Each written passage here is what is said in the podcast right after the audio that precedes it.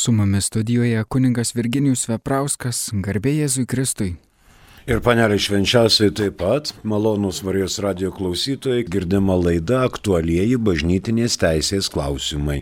Praeitoje laidoje nagrinėjomės 1067 kanoną apie tai, kad vyskupų konferencija turi nustatyti normas dėl sutuoktinių apklausos taip pat santokinių užsakų bei kitų būtiniems prieš santokiniams tyrimams atlikti reikalingų priemonių, kad klebonas rūpestingai jų laikydamasis galėtų asistuoti santuokai.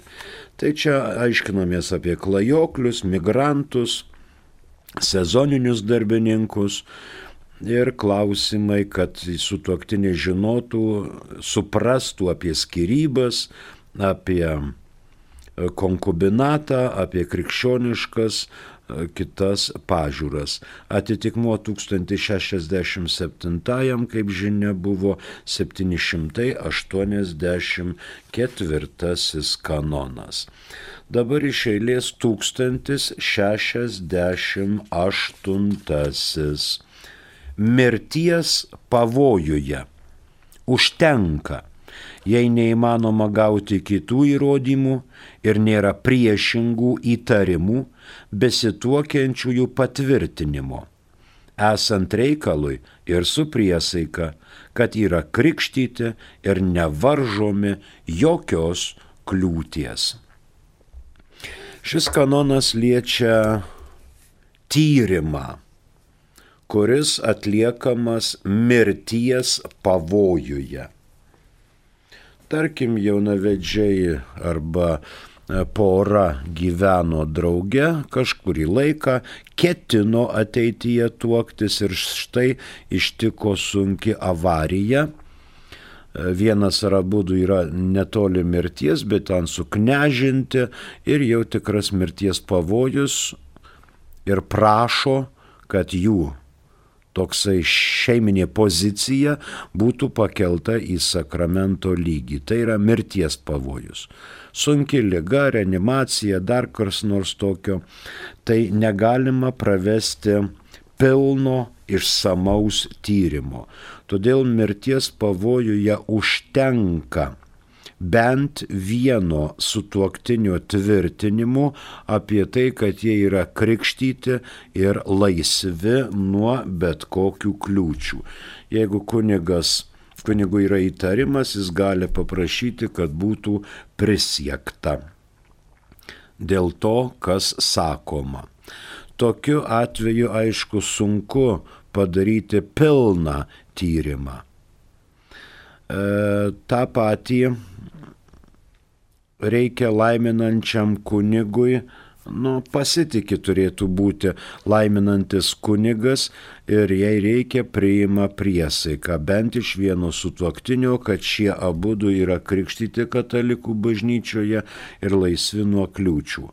Bet tik tada jai nekyla jokios abejonės jeigu yra viskas aišku. Dar aplinkiniai broliai seserys e, kažkur netoli yra arba tėvai ir paliudija, kad tikrai šie sutuoktiniai yra laisvi. E, mirties pavojuje šio pobūdžio tyrimas yra pakankamas. Ir tai būna tik tai mirties pavojuje. Bet negalima daryti to, norint išvengti konkubinato ar viešo papiktinimo. Čia yra sąlyga mirties pavojus. Mums paskambino, prašom. Paskambino Andrius iš Garliavos. Klausom jūsų. Aš norėčiau pra... gerbiamą pranešėją paklausti, ar Jehovitų e, kryptis kenkia bažny... katalikų bažnyčios kanonui. Kuriam? Nu, nežinau numerių, kaip čia paišvardytume. Tai tada ir aš nežinau. ir dabar ką reiškia jūsų manimų kenkia? Nu, ar, ar Jehovitai e, skaito šventus raštus? Oi, ir dar kaip. Jehovistai skaito šventus raštus. Skaito. Jie tik tai Dievo vardo e, nenori, Jehova nori turėti ne Dievo vardą. Tai čia visai nelietuviškas. Čia nežinau, kaip jūs į šitą dalyką žiūrite. Aš tai galiu žiūrėti kaip Leninas į buržuaziją, bet tai nieko nereiškia, reikia pasižiūrėti kaip bažnyčia ponas Andriau žiūri į jehovistus. Matot, buvo e, Senajame testamente niekas negalėjo ištarti Dievo vardo, nes jis buvo šventas. Niekas negalėjo ištarti Dievo vardo. Įsivaizduokite, jums reikia ruošti anūkus prie pirmos komunijos, prie sutvirtinimo ir negali ištarti Dievo vardo. Dievo vardą galėjo ištarti vieną kartą metuose vyriausiasis kunigas. Jahvė tas vardas yra. Ir be reikalo jisai tikrai nėra tariamas. Dabar Senas testamentas, kaip žinia, buvo parašytas e, he- hebrajų kalba. Ten net ir Naujasis testamentas ir aramajų kalba turbūt Matas rašė, bet sugalvojo antikinis pasaulis, sako, palaukit, broliai žydai, ką jūs čia skaitote, mes irgi norim paskaityti. Ir tada į graikų kalbą išversta yra septuaginta. Dabar kaip tą vardą Jahvi reikia versti? Septuagintoje vertime buvo išverstas Jahvės vardas į Kyrijos, reiškia viešpats. Kyrijos. Tai kai mes sakom viešpatie pasigailėk, tai mes ir sakom Jahve pasigailėk. Nu, Tai tas pats tik tai vardo skirtumas. O jehovistai mm, neima vertinio, jie originalo kalbą sako Jahvi. Ir dėl to jehovistai. Jahvi arba Jehova, Jehovos liudytojai, na, jie daugiau seka Senuoju testamentu. Bet Kristus pasakė, kas ne prieš mane, tas už mane. Tai dabar sakyti, kad jie priešiški, ar jie kenkia, ar jie nedorėliai, ar jie blogiečiai, tikrai neišeina. Jie yra jehovistai. Jie su katalikų bažnyčia nelabai ką turi ir jie yra intensyvūs, eina po reiškia savo misijas ir siun, siunčia visokias literatūras ir e, nori, kad daugiau atsirastų sekėjų. O mes esam katalikų bažnyčioje ir mes vadinamės bažnyčia, bet ne jehovistai. Ačiū Andriau. Ir jeigu ten kas nors varsto duris ir jūs kviečia, tai sakykit, reiškia, nesukit smegenų, aš esu katalikas, lankau bažnyčią ir bažnyčioje aš randu visą tiesą. Aš neįsiu kitur ir nedalyvausiu kitur, uždarykit, prašom, duris iš anos pusės ir daugiau čia nevarstyti durų ir neskambalioti. Tai būtų geriausias toksai poelgis. Ačiū. Mes turime turbūt žinutę, prašom.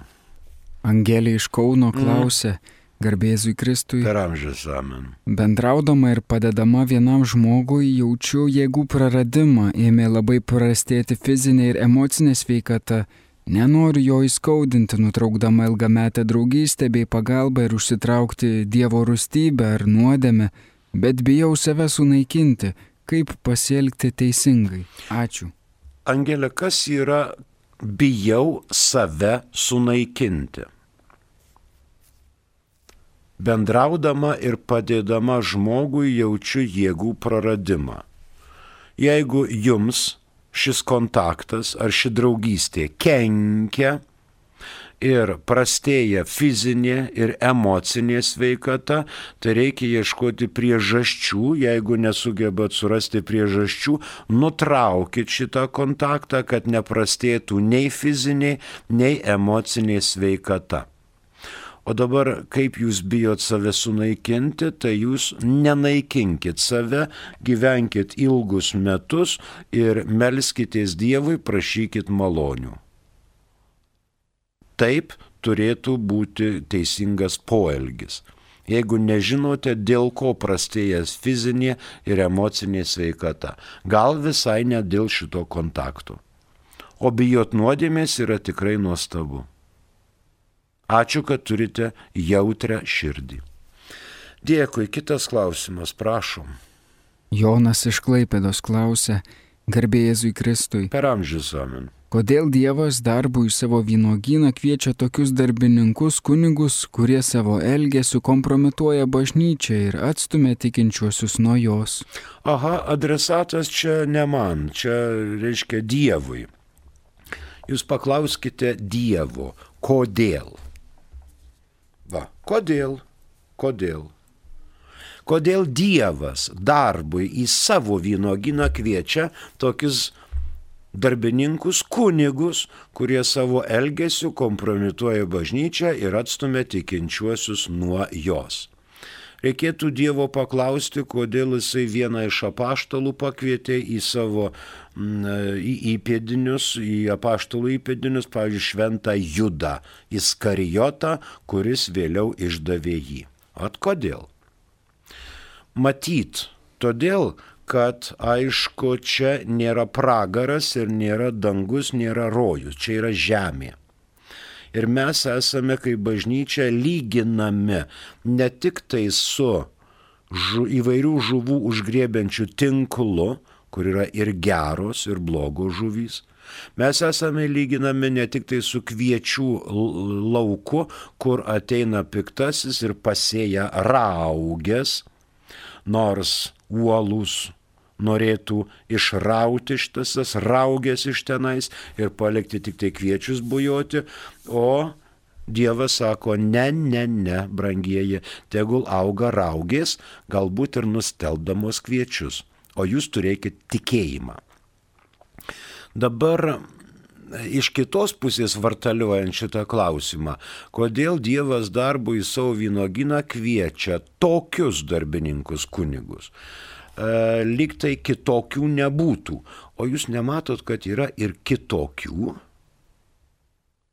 Šitie tokie darbininkai, kuriuos jūs turite omenyje, kompromituoja bažnyčią, tai yra, bet gerų kunigų yra daugiau, kaip tų kviečių.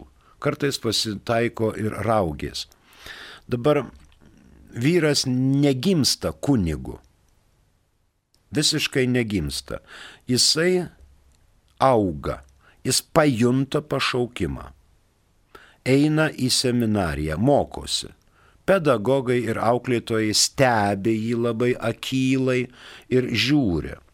Ir galų gale, tarkim, visi pedagogai, visi auklėtojai vienu balsu šaukia, kad šitas kunigystėj netinkamas ir pateikė šitą bylą vyskupui.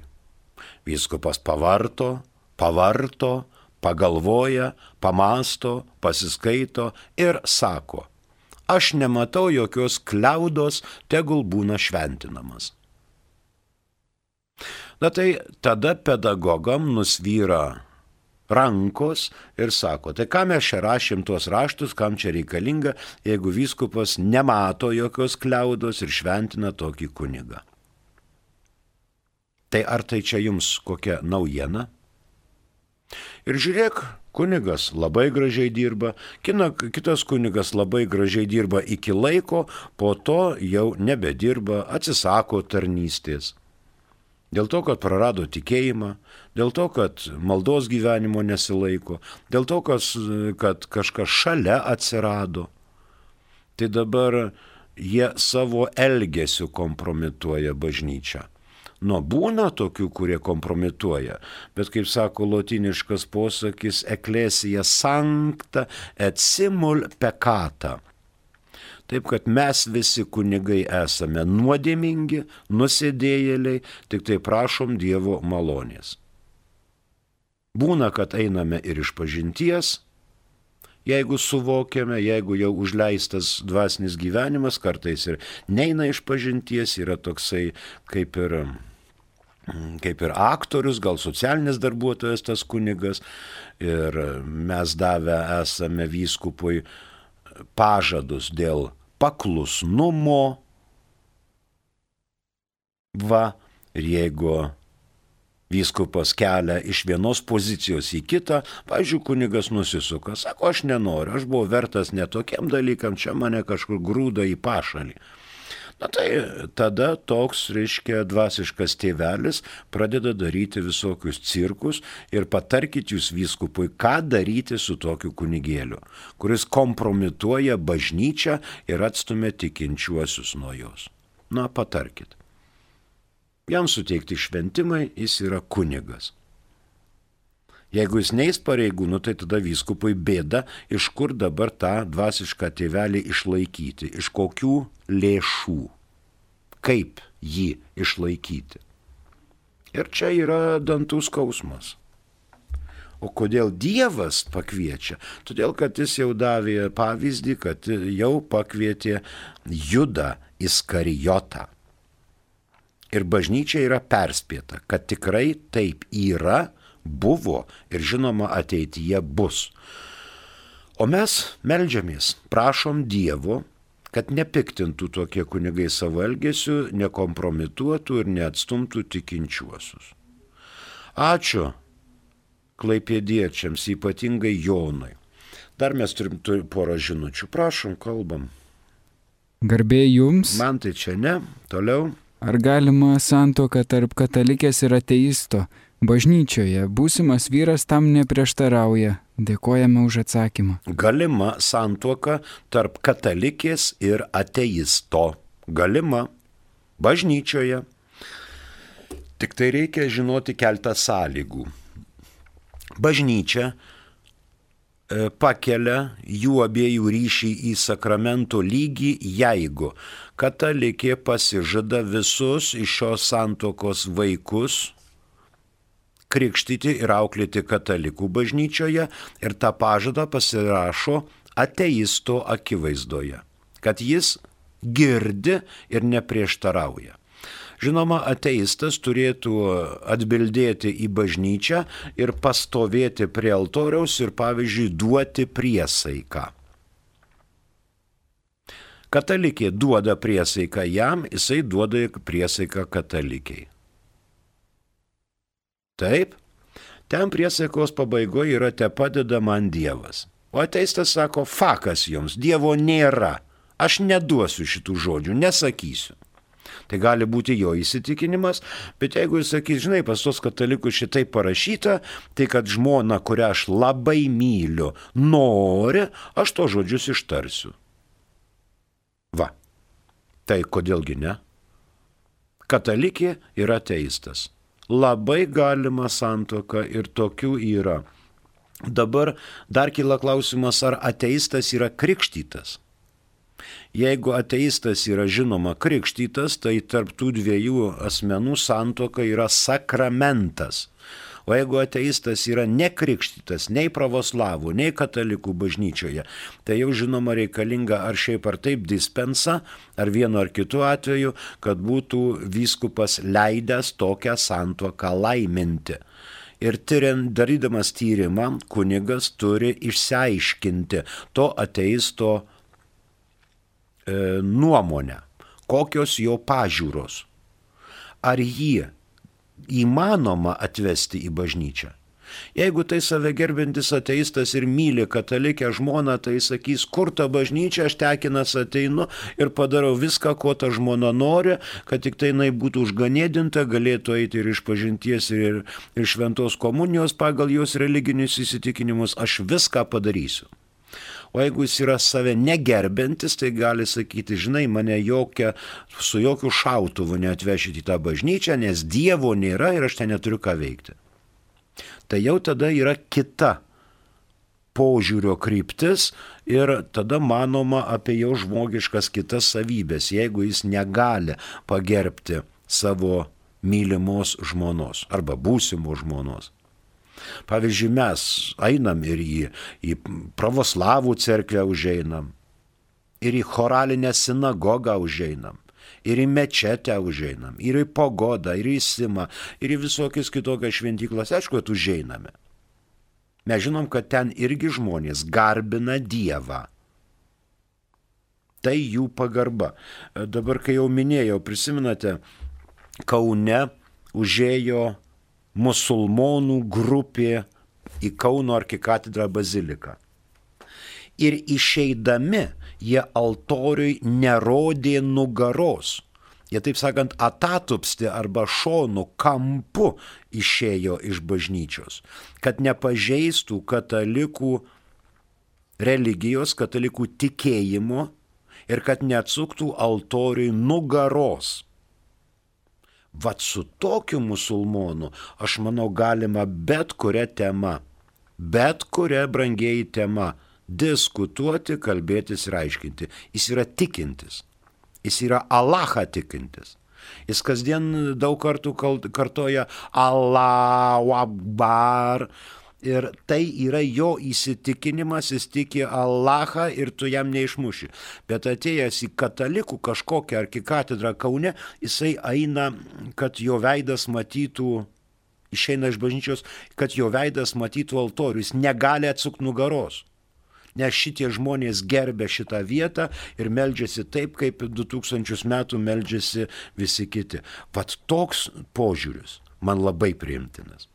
Ir ateistas gali sakyti, laisvai, viskas tvarkoja, aš Dievo netikiu, jau nėra, būt negali, nes todėl, kad ne ir, ir taip toliau. Bet jeigu mano žmona myli Dievą, nori to, tai aš padarysiu viską, kas žmonai reikalinga. Ačiū už atsakymą. Kitas klausimas. Sveiki.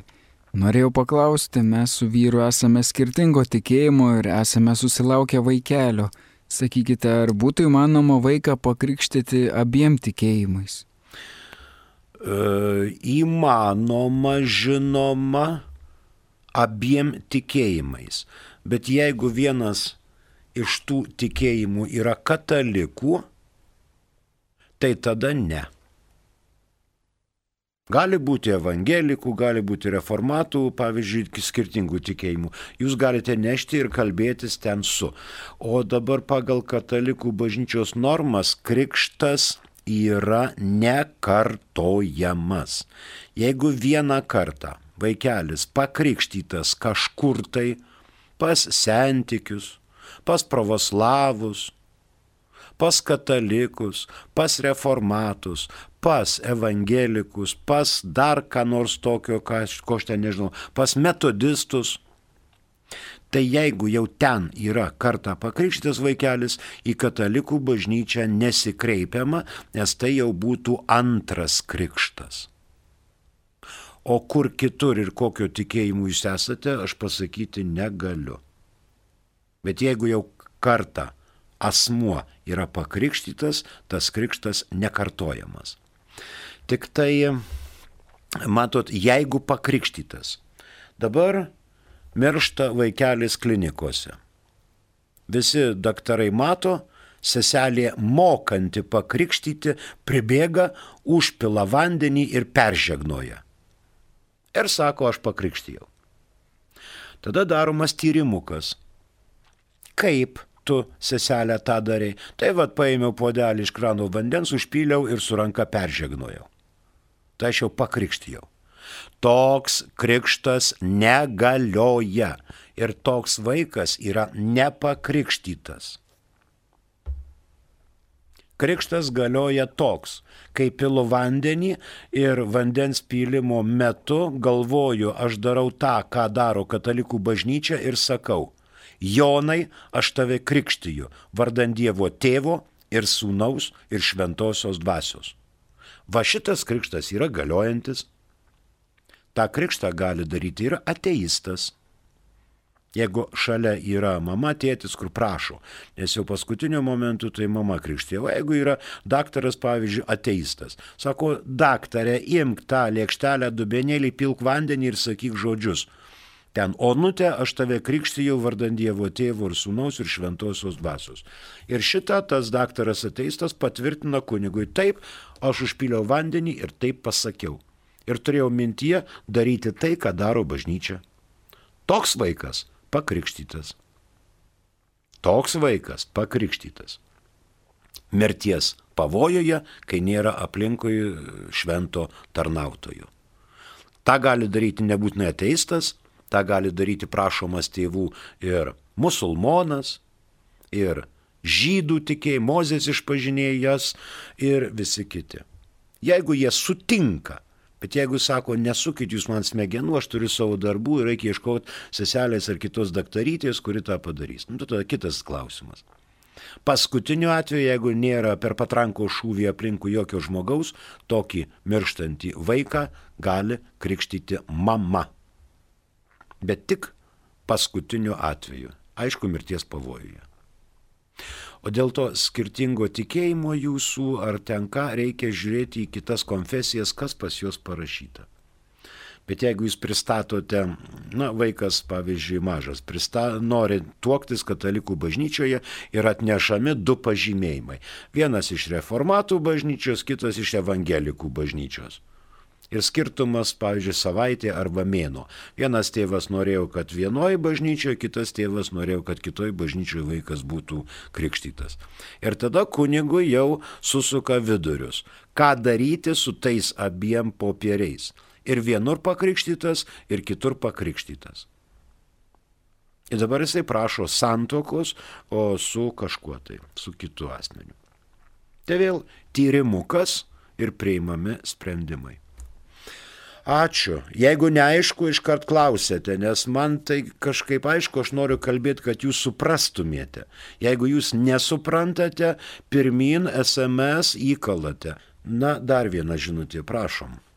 Rokas iš akmenės mhm. klausė, pagal kanonus santoka teikiama vieno iš sutoktinių parapijoje, tai taisyklė, o santoka kitoje parapijoje gavus leidimą yra išimtis. Kodėl Lietuvoje išimtis tapo taisyklė ir kas atsakingas, kad tai būtų ištaisyta? Rokai, šiek tiek yra klaidų šitame klausime. Pagal kanonus paprastai santuoka teikiama vienoje iš sutuoktinių parapijoje. Paprastai. E, paprastai tai jaunosios parapijoje. Čia iš jau senųjų kanonų atėjusi. E, kad tai taisyklė, tikrai nemanau. Tai nėra taisyklė. O dabar santuoka gali vykti ir kitoje parapijoje, pavyzdžiui, jaunojo gavus leidimą. Nemanau, kad čia reikia leidimo. Jeigu vienas vienoje, kitas kitoje, tai santoka laimina arba vienos parapijos kunigas, arba kitos parapijos kunigas. Čia tokių kaip ir leidimų nelabai kaip ir reikia. O dabar jeigu jaunavedžiai vienas vienoj, kitas kitoj parapijoje gyvena, o nori santokos trečioj parapijoje, va ten ir reikia leidimo. Va ten ir reikia leidimo. Dabar žiūrėkime į realią padėtį. Taip, mūsų jaunimas nelabai mėgsta tas parapijas, e, tarkim, Alvito parapija, taip, per karą buvo sudegusi bažnyčia ten tokia koplytėlė buvo, ten negražu, o pas mus bus daug svečių, mes norime šventės, mes norime į Vilkaviškį. Klebonas dantis sukandęs parašo jiem leidimą į Vilkaviškį, kadangi ten katedra, ten iškilminga, ten vargonai, ten auksų varva, ten kunigas sukalbamesnis, ten kursai iškart būna, na ir rašo abiem jaunavedžiam iš Alvito varoti į Vilkaviškį. Į Vilkaviškį nuvažiavo, patiko gerai, nepatiko, ieško kitos vietos, kur jų įsimintinas gyvenimas prasidėtų iškilmingoje atmosferoje. Tai dabar gali kunigas trepsėt kojom ir sakyti, jūs gyvatės, dabar tuoksitės arba pas mane, arba anoj parapijoje, kur gyvena kitas sutuoktinis. Spėkit iš trijų kartų, ar tie jaunavedžiai dar kreipsis į bažnyčią sakys, jeigu jau šitaip šitie jodas kverniai neturi širdies, tai mums santokos jau ir visai nebereikia. Gyvensim taip, kaip norime šitos prigimtinės teisės dėka. Tai vad, tokie momentai, tai kunigai norėdami pagelbėti, kad sutuoktiniai pradėtų savo šeimos gyvenimą iškilmingoje atmosferoje, tikrai leidžia. Aš nematau priežasties, kodėl kunigas gali neleisti kitoj parapijai tuoktis. Jie renkasi. O dabar kodėl Lietuvoje išimtis tapo taisyklė, čia neteisingas klausimas. E, kanonų teisės kodeksas šiuo atveju yra gana lankstus, o atsakingo, kad tai būtų ištaisyta, nėra rokai, nes e, to tas nėra sulaužyta. Jeigu kunigas klebonas, turintis parašo teisę, leidžia su tuoktiniams tuoktis kitoje parapijoje, Tai a ką yra? O kas ten taip? Leidžia. Jaunavedžiai prašo, klebonas leidžia. Tada ir yra tokia taisyklė. Jaunavedžiai prašo, klebonas leidžia. Ir jie važiuoja ten tuoktis. Amen. Dabar uždrausk teisę jaunavedžiams rinktis. Tai čia Vilniuje, Kaune pavyzdžiui, Vytauto bažnyčioje, kas pusę valandos santoka, pošniausiom suknutėm jaunosios, ypatingais kostiumais jaunieji, šventė didžiulė, o kiti seilę varvina, kodėl aš gimiau kokiam zapyškyje, kodėl aš čia negaliu tuoktis. Tai būtų nežmogiška. Ačiū, mums dar paskambino, prašom. Paskambino Elena iš Vilkaviškio. Klausom jūsų. Pakartoti? Pakartokit. E, pakrikštytas, nu, kūdikis reiškia, bet kūmai be, be, be šliubo gyvena, tai prasme, tiesiai šviesiai. Ar, ar tas krikštas galioja? Ačiū ponė Elena. Jeigu krikštijo šventosios kad Romos katalikų bažnyčios dvasininkas, diakonas, vyskupas ar kunigas, krikštas galioja. Galioja. Ir labai galioja. Ir nereikia galvoti, kad tas krikštas turėtų negalioti. Dabar kūmai be santuokos. Poryt krikštijamas vaikas, kur kūmai be santuokos. O kitą savaitę kūmai ima santuoką. Ir kunigas priėmė sprendimą, leisiu būti kūmais tam vaikui poryt šį šeštadienį, o jie po savaitės paims šliūbą. Taip kad, ponia Elena, žiūrim į kiekvieną atvejį atskirai. Formaliai kūmai be santokos negali būti krikšto tėvais. Negali. Negali. E, kūmai negali būti jaunesni negu 16 metų amžiaus. Negali. Nebent klebonui atrodytų kitaip. Iki 16 metų trūksta dviejų mėnesių. Tada klebonas sako, gerai, leidžiu. Ir tada yra gerai, ir krikštas galioja, ir kūmai galioja, ir kūmai leistinai. Tai va, Marijos radijas būtent tam ir įsteigtas, kad atsakytų į jūsų daugybę klausimų, jūs galvokit ir klauskit. Ir galvodami klauskit ir klausdami galvokit. Būtų visai neblogai. Marijos radio bangomis girdima laida aktualieji bažnytinės teisės klausimai. Mes komentuojame katalikų bažnyčios kanonus, bet mielai dalinamės su jumis mintimis, kaip matot, apie kitus dalykus. Ir tai darom iš tikrųjų mielai. Šiandien jau mūsų laikas pasibaigė. Prie mikrofono dirbo kunigas Virginijus Veprauskas. Ačiū Jums už klausimus. Malonu buvo su Jumis pabendrauti. Atsisveikinu, ačiū ir sudie.